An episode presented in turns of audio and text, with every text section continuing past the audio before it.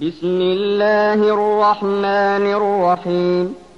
لا أقسم بهذا البلد وأنت حل بهذا البلد ووالد وما ولد.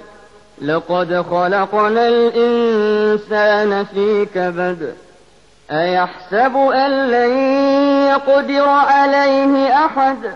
يقول أهلكت مالا لبدا أيحسب أن لم يره أحد؟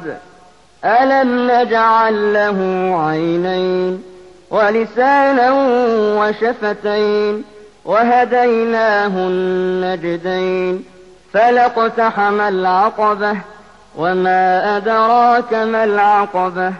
فك رقبة أو إطعام في يوم مسغبة يتيما ذا مقربة أو مسكينا ذا متربة.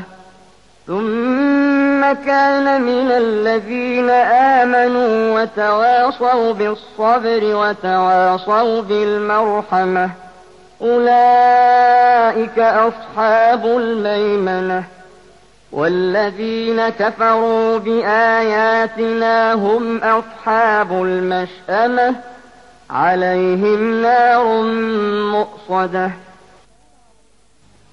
అనంత కరుణామయుడు అపార కృపాశీలుడు అయిన అల్లాహ్ పేరుతో ప్రారంభిస్తున్నాను కాదు నేను ఈ నగరంపై ప్రమాణం చేసి చెబుతున్నాను ఓ ప్రవక్త అసలు విషయం ఏమిటంటే ఈ నగరంలో నిన్ను ధర్మసమ్మతం చేసుకున్నారు. తండ్రి సాక్షిగా ఆయనకు పుట్టిన సంతానం సాక్షిగా మేము మానవుణ్ణి శ్రమ కోసం పుట్టించాము. అతడు తననెవ్వరూ అదుపు చేయలేరని అనుకుంటున్నాడా? నేను అపారమైన ధనరాశుల్ని ఖర్చు పెట్టాను అని అంటాడతను. తనను ఎవరూ గమనించలేదని అతడు భావిస్తున్నాడా? మేము అతనికి రెండు కళ్ళు ఒక నాలుక రెండు పెదవులు ప్రసాదించలేదా? ఇంకా స్పష్టమైన రెండు మంచి చెడుల మార్గాలను అతనికి చూపాము. కాని అతడు కష్టతరమైన కనుమ దాటిపోవడానికి సాహసించలేదు. కష్టతరమైన ఆ కనుమ అంటే ఏమిటో మీకు తెలుసా?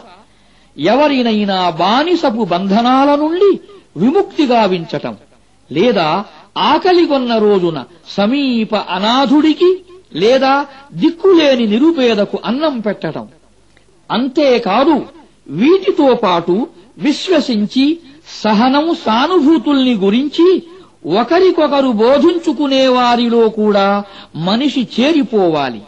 వీరే కుడిపక్షం వారు మా వాక్యాలను తిరస్కరించిన వారు వామపక్షానికి చెందినవారు వారిని అగ్ని చుట్టుముట్టి ఉంటుంది.